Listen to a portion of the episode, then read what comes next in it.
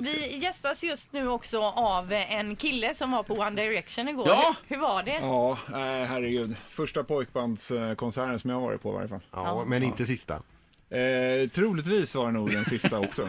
Det är Rickard Forsell som kommer in här ska vi säga också. Rickard han är ansvarig för försäljningen här. hos oss. Exakt, stämmer bra det. Ja, ja. Ja, nej, jag har ju bokat eh, Metallica som tur är, så jag har ju något... Eh, Ja, ja, för, För man att vill ju rensa inte öronen. verka löjlig. ja, nej men lite så. Alltså, eh, gott och blandat och Fanta är liksom inte riktigt konsert för mig, men... Eh, det Men för blev dina så då. barn var det det? Var det en bra upplevelse för dem? Ja, nej, det var helt galet. De skrek ju som... Eh, ja, Men, men, men för egen del, där du stod, eh, du, du, du är ingen liten kille heller så du syns ju. eh, Detta. K- Kände du dig lite så här lätt malplacé? Ja, en aning. Jag tittade så här åt höger och vänster och ser de andra då, papporna eller eh, morfar och sånt där. Och alla satt ju ner och tyckte väl att det var ganska trevligt sådär. Men eh, det var ju inte direkt att alla stod upp, vi som var över 15. Nej. Vi, vi satt ner och höll det ganska lugnt faktiskt. Men vad, vad- vad är det för ålder på One Direction-fansen?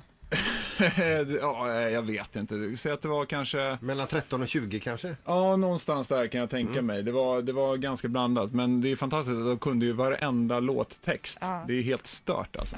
Men får man ändå fråga, även om du kanske det kände så här liksom att det det där vill jag inte göra imorgon igen direkt kanske. Men var det ändå bra musik?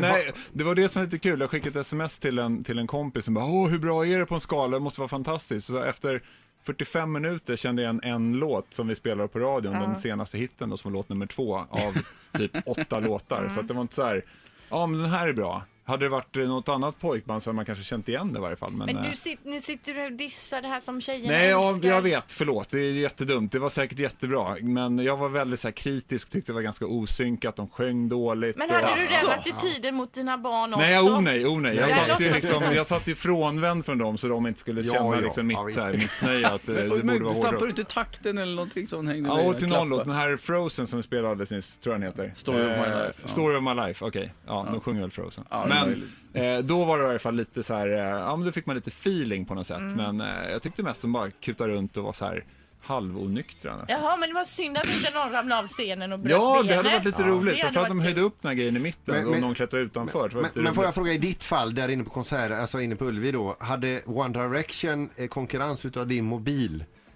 Alltså att du tittar i mobil? Uppmärksamhetsmässigt menar du? Ja. ja, en hel del faktiskt. Det var en del smsande och lite Facebook och sånt där. Ja. Men eh, ja, jag filmar lite också, det kan vara kul för, eh, för dottern då att se eh, efteråt också. Ja.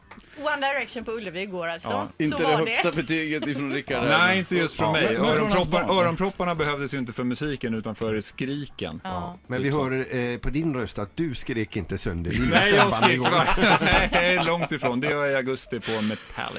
Tack Rickard för att du kom hit Tack och snälla. berättade. Ett poddtips från Podplay. I fallen jag aldrig glömmer djupdyker Hasse Aro i arbetet bakom några av Sveriges mest uppseendeväckande brottsutredningar.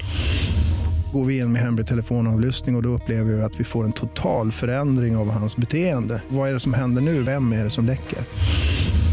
Och så säger han att jag är kriminell, jag har varit kriminell i hela mitt liv men att mörda ett barn, där går min gräns. Nya säsongen av Fallen jag aldrig glömmer på Podplay.